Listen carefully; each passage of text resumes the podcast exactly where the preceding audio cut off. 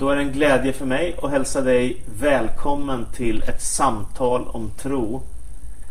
Känn dig riktigt välkommen till en gudstjänst som är på ett lite annorlunda sätt där vi delar med oss ifrån livet och från våra erfarenheter. Idag har jag glädjen att ha Josef Häggblad ifrån Kristinehamn tillsammans med oss här. Och det ser vi fram emot att ha ett spännande samtal. Josef, om jag ska sammanfatta ditt liv så som jag känner dig så är du make, pappa, pastor, jägare, hårdrockare och hockeyfantast. Var det något jag missade eller? Nej, du knöt ihop det rätt bra tror jag. det var helheten. Om man ska säga något om din, din personlighet. Men om du skulle beskriva dig själv. Vem är Josef Häggblad? Ja, 45 år och eh, boende i Värmland sedan 2016. Mm. Du knöt ihop lite grann, eller du pekade på vad, vad jag kanske har lite för intressen och så. Det är lite grann så, jobba som pastor som du säger och det är det man har hållit på med egentligen sedan man började förvärvsarbete överhuvudtaget. Ja. Det var så. Många år? Ja, det har blivit det. Ja. Okay. Du har familj också? Ja, så är det. Gift med Malin. Och vi har två barn, Talita och Timoteus, de som är 21 och strax 19. Ja. Vad gör de för någonting? Ja, min hustru arbetar som eh, förskollärare mm. och eh, ja, barnen, jag är tacksam, de har bott hemma nu under den här pandemin. Mm. Och eh, sonen han tog studenten bara häromdagen och eh, dottern då jobbar på ICA Maxi i nuläget. Ja, hon hade varit iväg utomlands också? Ja så är det. I, i pandemin där i början så var hon på bibelskola Equip på Cypern. Ja. Så det var ju med andan och halsen de fick fara därifrån. Jag förstår det. Och du hann till och med åka och hälsa på? Ja, så är det. Så det var ju jätteroligt. Det var... Precis innan corona? Ja, det var bara ett par veckor innan där. Usch. Innan man visste riktigt vad det var. Ja. Så det var jätteroligt att hälsa på där. Ja, men det är läget. Jag är jättetacksam att ha haft dem hemma. Det har varit, det har varit roligt så. Men det är just i, i brytpunkten de är på väg att flytta hemifrån. Och så, så det lär ju bli så småningom. Jag fattar. Hur blev du kristen Josef? Vad var det som gjorde det livsvalet? För det är ju jag menar, i Sverige ett sekulariserat land. Mm. Det är inte självklart. Vad var det som gjorde att du ändå hittade fram till det? Jag är uppvuxen i ett kristet sammanhang. Alltså mina föräldrar var kristna och jag eh, fick ju följa med från, på möten och, så, och söndagsskola och hela, hela rasket liksom från det man var liten. Så jag har fått tro naturligt med mig från födseln. Och sen så i, i, när man då växte upp, jag döpte mig ganska tidigt. Jag, ja, tioårsåldern var jag var, kanske något yngre till och med.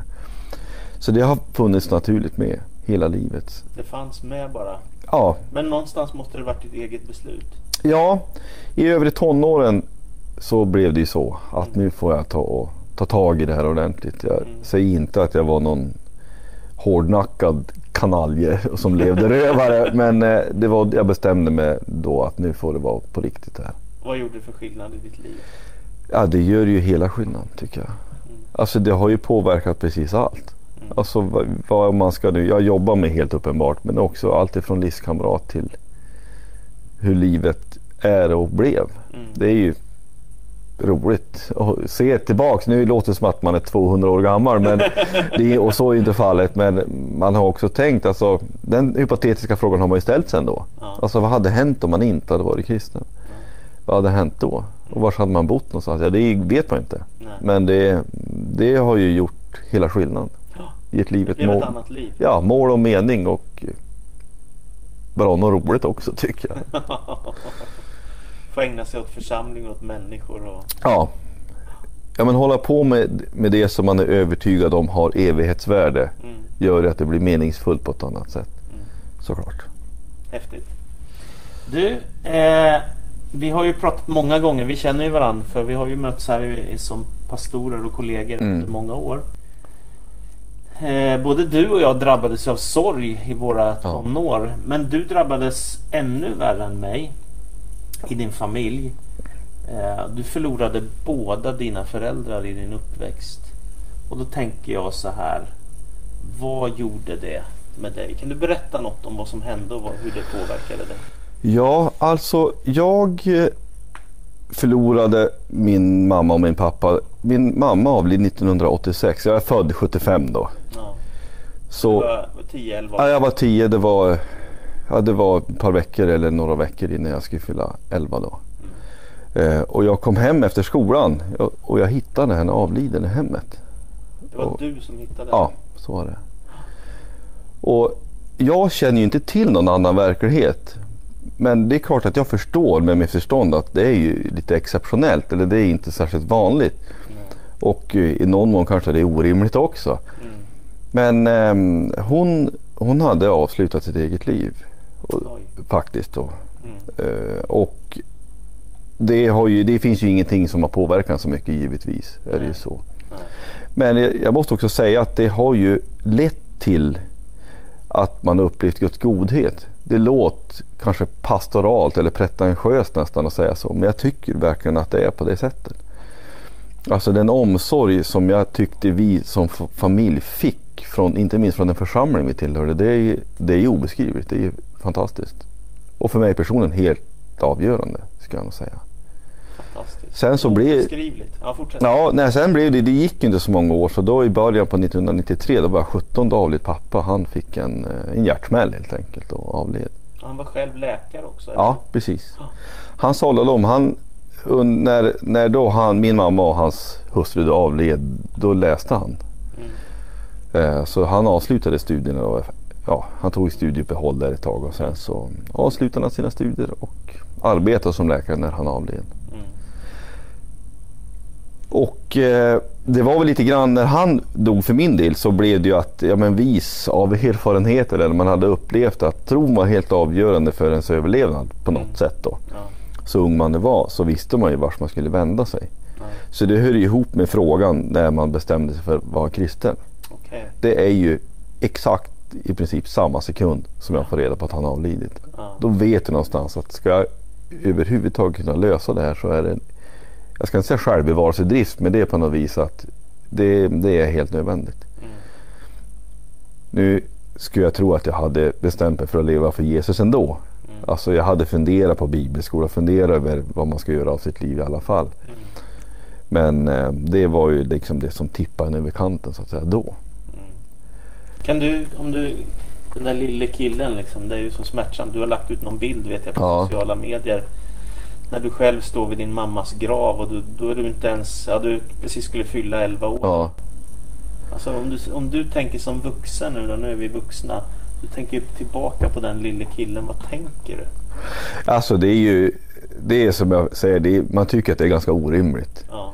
Och det var när våra egna barn var den åldern så tänkte man ju också att men om de skulle uppleva och vara med om samma sak, hur sjukt skulle inte det vara? Ja. Tycker man. Ja. Men återigen, jag vet inte av någonting annat. Så man tänker inte, jag tänker inte riktigt så om sig själv. Nej. Men eh, jag menar, om man zoomar ut ganska mycket, det är ju många i vår värld som upplever sådana saker. Och det gör ju inte att sorgen eller smärtan blir annorlunda eller blir mindre. Nej. Men det blir på något vis att man kanske nyktert får se på att död och lidande är en reell verklighet för alla. Mm. Dock så är det väl inte så vanligt då i den åldern. Nej. Men eh, det är klart att man har funderat på att, eller man är tacksam över att jag förstår att Gud har varit god. Mm.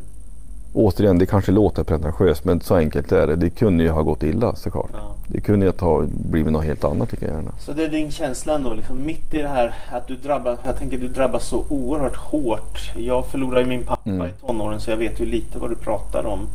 Men du drabbas med att förlora båda dina föräldrar. Jag tänker det är så djupt smärtsamt att få göra det så ung. Och tänker också erfarenheten som pastor att de allra flesta begravningar man har är människor som är 70, Mm. 80, 90 år. Sen kommer ju det där ibland att det är någon medelålders eller tyvärr också barn eller Mm. ungdomar. Det är, ju, det är ju så smärtsamt så att det är svårt att överleva ibland när man ska vara med om sådana händelser. Men de, de flesta, det är ungefär som du säger, de flesta eller vi alla förlorar ju folk förr eller senare men de flesta gör det inte så tidigt. Eh, Men jag, vad händer med dig? Du är 17 år. Mamma och pappa är borta. Vad händer sen? Ja, alltså min pappa han gifter om sig. Aha. Eh, så att eh, min, min pappas fru då. Mm. hon är ju en viktig människa. Hon fanns ju där då. Mm. Så det var ju väldigt bra. Så då bodde du kvar hos henne? Ja, ett tag där. Sen så blev det att jag flyttade hemifrån. Jag, det blev så. Jag ville väl också flytta hemifrån Ja, där på våren. Ja. Så att så blev det. Men Och- då tog hon hand om dig en tag innan du... Ja, men li- precis. Precis. Och sen så då efter det, ja, så började jag i bibelskola. Då rullar ju allt igång så att säga. Ja. På något vis. Alltså då blir man myndig där och man, eh, man tar körkort och allting. Och Mm. Allt för den är skjut sin första älg och det nu är. Ja, ja just ja. det. Är bra. Det är tur att du har fått göra lite Ja. sådana saker också. Nej men lite grann så. du, jag måste bara fråga här. För Mm. eh, alltså hur hanterar, man, hur hanterar man sorgen som ung? Om du ser tillbaka på ditt liv. Du sa att du fick hjälp av kyrkan. Du kan också säga att du upplevt att Gud har varit god emot dig. Ja, men det- mitt, mitt i dem, alltså många skulle kanske tänka tvärtom. Varför, fick, varför just jag? Och så kommer de här anklagelserna mot Gud. Men du säger tvärtom. Ja. Att Gud har varit god mot dig och församlingen har varit väldigt god mot dig. Men Ja. hur, hur hanterar man sorgen? Jag tänker det är ändå en väldigt djup smärta att gå Ja. igenom. Så man, det, kommer, det präglar ju hela ens liv. Alltså som jag minns det där i början så, så drog ju då givetvis med min pappa ett jättelass. Ja, Men också att han, han såg till att vi sörjde på, på något vis. okej. Som jag minns det, vi var mycket till kyrkogården till exempel. Det var ju någon eller ett par gånger i veckan i början. Ja.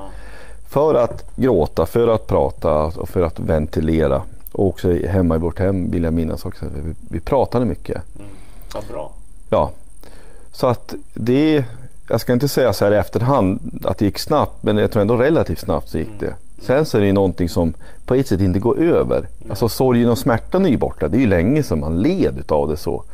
Sen så minns man och kommer ihåg. Och Och saknaden går väl aldrig över? nej, saknaden går nog inte över. Och jag har då på något vis landat i sen länge. Jag vill nog inte att den ska göra det heller. Nej. Därför att det betyder att det man hade var viktigt. Mm. Och den man, den man saknade, den man älskade, den, det var en viktig människa. Mm. Så att det är inget smärtsamt minne. Nej. Men eh, minnen finns ju. Mm. Och det är klart att man ska ju önska att, att ja, i alla fall någon hade fått vara kvar. Ja. För det är klart att man själv blev jag menar, äldre, man träffade och min hustru Malin och vi gifte oss och vi fick barn. Och liksom så här. Men återigen då, hon Barbro som hon heter var, har ju funnits som en bonus. Extra mamma. Ja, ja, alltså inte för mig på ett sätt. Jo, men, jo, men ännu mer för mina barn tänker jag. Alltså kanske lite som en bonusfarmor så. Ja, okej. Ehm, Ja, fint. på något sätt. Ja, det, det är en viktig människa. Hon blev en nyckelperson. Ja. Var det fler som blev nyckelpersoner? Ehm, Jag tänker, jag tänker för du berättade om pappa gjorde ett väldigt bra jobb. ja, det gjorde han. Ja, men det fanns fler. Vi, ja, men det var ju bara rent att lösa praktiskt. Var ska vi bo någonstans? Ja. Alltså vi barn. Ja. Alltså om han skulle fortsätta studera. Han studerade ju inte i, utanför Lycksele där vi bodde. Så vi fick bo hemma hos snälla församlingsmedlemmar helt enkelt. Ett par Hur läsår. många syskon var ni? Vi var vi är tre syskon. Två, syskon. två äldre systrar.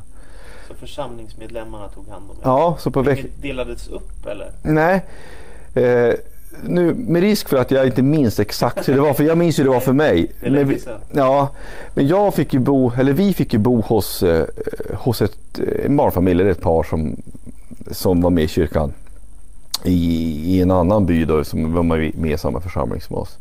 Och det är när jag går i årskurs 6.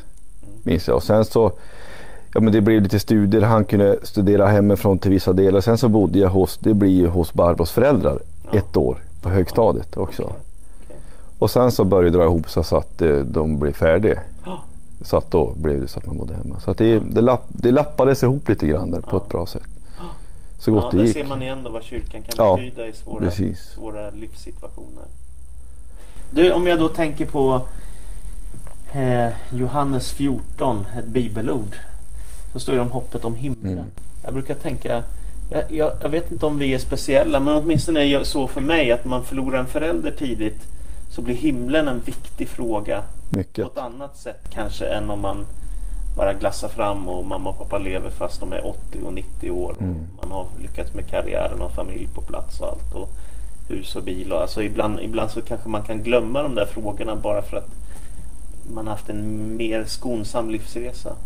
Men vad, vad tänker du? Jesus säger ju I Johannes 14.1 Känn ingen oro, tro på Gud och tro på mig. I min faders hus finns många rum. Skulle jag annars säga att jag går bort att bereda plats för er och om jag nu går bort och bereder plats för er ska jag också komma tillbaka och hämta er till mig för att också ni ska vara där jag är. Vad betyder himlen för dig Josef? Alltså att det finns ett hopp bortom graven är ju fullständigt avgörande ska jag säga. Mm. Alltså det har ju burit det många gånger tycker jag. Ja.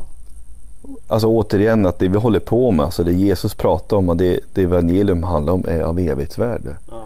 Och att något slags hopp om återseende finns. Ja. Exakt hur det kommer att se ut, eller hur det är, det vet jag inte. Men jag, jag, tror på att det, att det, är på det förhåller sig på det viset. För jag uppfattar att Nya Testamentet talar om det. Eller att Bibeln talar om det. Precis. Kristus har segrat över Ja, världen. precis. Det finns hopp. Ja. Återseende, himlen, evighet. Ja. ja, men så är det. Och sen på något konstigt sätt lite grann som för att knyta ihop med frågan vad det har gjort med en. Alltså det har inte bara varit dåligt. Nej, okay. Nej men det har ju också format en till en människa man är.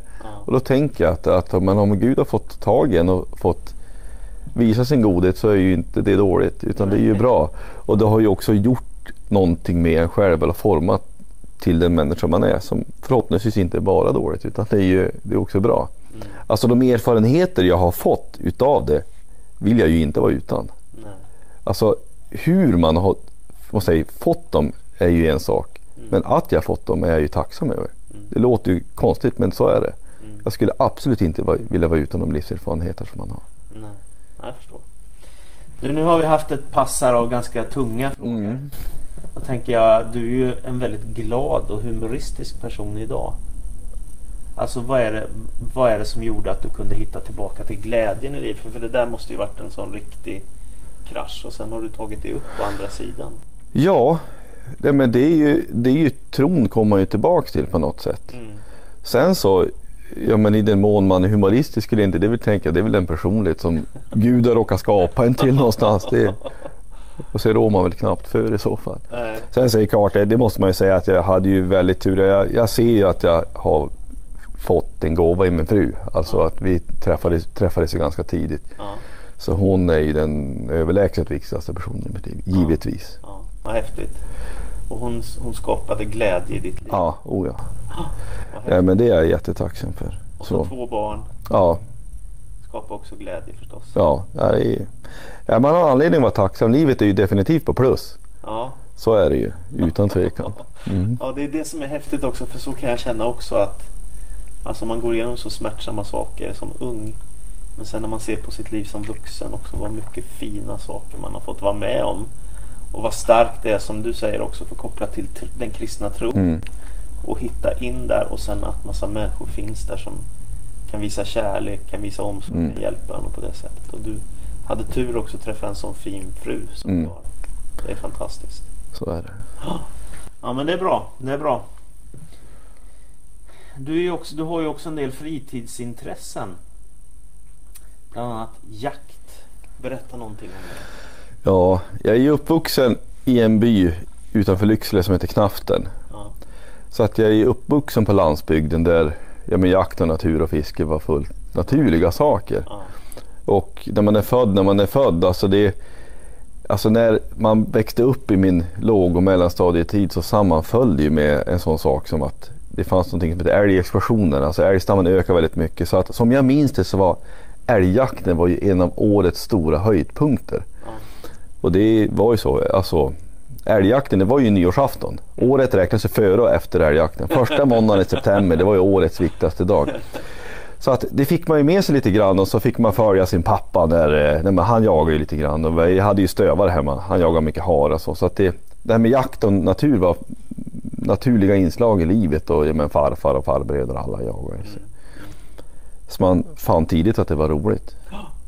Ja, så då ju... Och sen har du fortsatt själv och du tog jägarexamen. Ja, ja jag var inte, jag var, jag var 13-14 år. Det gjorde jag så fort jag kunde, fick möjlighet. Ja. Det var ingen och så pardon. På, på kvällarna när du orkar så tar du med dig geväret och drar ut. Ja, det har ju blivit så att här finns ju vildsvin ja. och det har ju inte funnits förut. Och då bedriver man det som kallas för skyddsjakt och skyddsjakt bedrivs året runt. Ja. Och dygnet runt. Så när som helst kan du åka ut Ja. på kvällen? Så har man fått kontakt och lärt känna lite bönder som, man, som har besvär med vildsvin. Ja. Så att jag jagar ganska mycket. Eller i den mån man har, har tid. Men det är någon, någon gång i veckan i alla fall. Och då njuter du? Fan, fantastiskt. Alltså jakt handlar inte så mycket om att man ska skjuta så många vilt som möjligt. Alltså folk tror att det är själva skyttet eller dödandet som är grejen. För mig är det inte det. Utan det är den totala upplevelsen att vara ute. Ja. Och Njuta att- av naturen? Ja, njuta av naturen och sen så, sen så finns det ju att, att jag gillar jakt. Det blir att man utmanar viltet. Mm. På det, på det sättet. Det är ett smart vilt. Alltså vildsvinet är smart. De är Ja. skygga. Så att det finns någonting att det är, det är jag som ska försöka med min egen, Mm. Egen förmåga göra någonting. Så det är klart att det är kul. Du sa också till mig förut att du har inte köpt köttfärs så många gånger i ditt liv. Nej men alltså jag är ju uppvuxen på viltkött. Ja. Och det har vi haft sen. Hela ens liv. För, för älgjakt är också, är också viktigt. Mm. Men det är ju under en mer begränsad tid på året. Men det, så har det ju varit. Vi är ju uppvuxen på älgkött och, och det är det ju nu också. Mm. Alltså viltkött. Alltså det, Det är din grej. Nej men det, jag tycker att det borde vara allas grej. men, Ja, det är härligt. Du, du är också en riktig hockeyfantast. Du håller på lite med idrott själv också. Men du är också en hockeyfantast. Och då är du en av de få jag känner som kan åka 30 mil för att gå på en hockeymatch. ja. Ja, Jag förstår ju att det, det tycker inte alla är så rimligt. Och det, det vet jag inte om jag tycker själv ens heller. Nej men det är ju mitt hockey. du är sådär, du kan ta dig från Värmland till Västervik för att gå på en hockeymatch. Ja, precis. Nej men det har blivit så. Alltså, mitt hockeyintresse är knutet till en hockeyförening som heter Björklöven som är från Ja. Umeå. Det är de jag följer och de jag håller på som Ja. är, har blivit någonting som jag, en passion i mitt liv. Ja. Så det är de jag följer. Det skulle ju aldrig falla mig in att fara någon annanstans och se något annat lag. Nej, okej. Aldrig någonsin. Så det är just Björklöven? Ja, ja, ja. Ja. Allt är knutet till det. Jag, har, jag såg kanske fem minuter av hockey-VM. men Jag tycker att det är helt bottenfruset. Aha, okej. Så det är just bara Björklöven som är... Ja, eller eh, det som är, ja alltså är det säg OS har hockeyn och de bästa lagen är med. VM är ju inte så intressant därför att det är inte de bästa lagen. Så att det är ju, Okej, Men OS, då är det bra? ja, nej, men alltså landslagshockey är kul när de bästa landslagsspelarna är med. Ja. Men det hör ihop med att man ska hålla, alltså att jag vill gärna hålla på något av det lag som spelar. Det är det som är grejen. Okej, annars är det inte så intressant. Nej, alltså jag kan, jätte, oh, jag kan jättegärna se matcher hur som helst och när det, jag säger, det är slutspel och så. Men det är ju framförallt är det någonting som man bryr sig om och, och håller på. Det är ju så. Ja, fascinerande. Du, om vi går mot avslutning nu då och så tar vi lite mer seriösa frågor igen. Att bli pastor, det tänker jag, det är ju kanske inte sådär jättesjälvklart i Sverige. Det finns i och för sig ganska många präster, men Mm. bli pastor det är ändå en stor fråga. Och de flesta gör ju andra saker med sitt liv. Jobbar på ICA eller blir Mm. läkare eller sjuksköterskor eller lärare eller ja, men det här lite mer vanliga Mm. arbeten som folk har. Hur går det till att man blir pastor? Och med din bakgrund här, liksom, vad, var, vad var det som gjorde att den där dörren öppnade sig? Ja men det är det här ordet som vi ibland använder som kallelse. Mm. Jag tror ju att den viktigaste kallelsen är att följa Jesus, att vara en kristen. Ja. Så det är väl lite grann, det beror på hur man semantiskt vill uttrycka sig. Men det är ju, alltså för min del så är det ju tillbaka, jag gick två år på bibelskolan. Under andra året så träffade jag Malin, min fru. Och så var det också så att jag upplevde, det är väl en, en djup inre övertygelse om att jag undrar om inte jag ska arbeta som förkunnare egentligen. Mm. Och jag minns att jag pratade med en nu av, avliden och till en bättre plats befordrad lärare som var där då. Mm. Att man, jag brottades lite mer, eller det var mer inte om jag skulle göra det eller inte om jag fick chansen utan mer att hur ska jag veta att det här är rätt? Och då pratades vi och han, han log väl lite snett och förstod väl också kanske vad det var frågan om såklart. Och han, jo men det är goda tecken det där att du vill och att du känner. Så, ja, det minns jag. Ja. Så det är väl svaret på din fråga. Alltså att, att en djup inre övertygelse om att, att detta är vad Gud vill med mitt liv. Mm. Och därför så gör jag det. Det är stort. Jag ser det ju inte som andligare än något annat. Du kan lägga asfalt, du kan göra vad som helst. Ja. Alltså i, i Guds rike behövs alla. Ja. För min del var det så. Men jag kan också säga lite grann som en, en passus eller en parentes fast ändå inte. Jag jobbar mycket deltider. Ja. Så jag har gjort mycket annat också. ja, just det. Alltså jag har ju kört buss och taxi, jobbat på behandlingshem och äldrevård och allt möjligt. Alltså jobba halvtid som pastor och så har man fått eh, dryga ut med annat. Så det har jag inte sett som någon nackdel heller Nej. att ha vanliga yrken. Du har haft lite olika tjänster men, och nu är du föreståndare i Kristinehamn Ja, precis. i Pingstkyrkan. precis. En väldigt fin kyrka med förskola och lite allt möjligt arbete. Ja. Och, och i second hand och vad det nu är va? Ja, vi försöker göra så gott vi kan. Mm. Mm. Det är jätteroligt. Och du kom dit 2016. 16. Så det är snart fem år nu då? Precis. Tiden går. Ja, tiden går fort. vad är det bästa med att få jobba i församlingsarbete? Ja, men det är ju att få hålla på med det som det var inne på, det, det som man är övertygad om har evighetsvärde. Och sen är det att arbeta med människor. Mm. Människor är ju intressant Ja, och roligt. verkligen. Det är ju det, är det som är, är grejen. Och se, att se att Gud gör saker i människors liv, det är fantastiskt. Det är fantastiskt. Och sen det här kärleksbudskapet vi har också, det formar ju förhoppningsvis människor också. Ja, Och frälsning och hopp och allt sånt. Ja, men det är ju den stora uppsidan, alltså att få arbeta med människor som man stöter på i, i, i livet på något vis. Och är så många gånger man har slagit sig över vad lika Jesus man tycker att de är. Ja. Och att hur, hur tänk att den här människan har levt tillsammans med Gud i ett helt liv. Och det är de, de gånger man ser det som, eller man ser det som ett hedersuppdrag de gånger man har begravningar som vi var inne på. Mm. Och man tycker att det är fantastiskt. Mm. Nu, nu har den här människan fått befordran till en bättre plats och få se den den har levt för hela sitt liv. Mm. Till exempel, det det är fantastiskt. Det, Det är det. Verkligen. Ja. Till slut nu då. Tänker på du har ganska rik livserfarenhet av olika saker. Både glädje och sorg. Mm. Och familj och förluster. Och, och, och många, många fina uppdrag och så. Om du tänker på de som lyssnar på oss nu. Vad, vad skulle du vilja skicka med? Liksom? Vad, är, vad har varit viktigt för dig? Och vad skulle du säga är viktigt för de som lyssnar på oss nu? En del kanske är sorg, en del är stor Mm. glädje, en del är framgång och andra är helt deprimerade efter ett coronaår och så. Ja. Ja, alltså Gud är trofast. Gud, jag tror. Ja, så att våga tro på det. Mm. Och inte så mycket som våga, eller som att öppna sig för och låta hans godhet göra resten. Mm. Alltså han vet och vill vårt bästa. Mm. Och han är så oerhört intresserad utav oss. Mm. Och han älskar oss mer än vad vi själva någonsin kommer att kunna göra. Mm.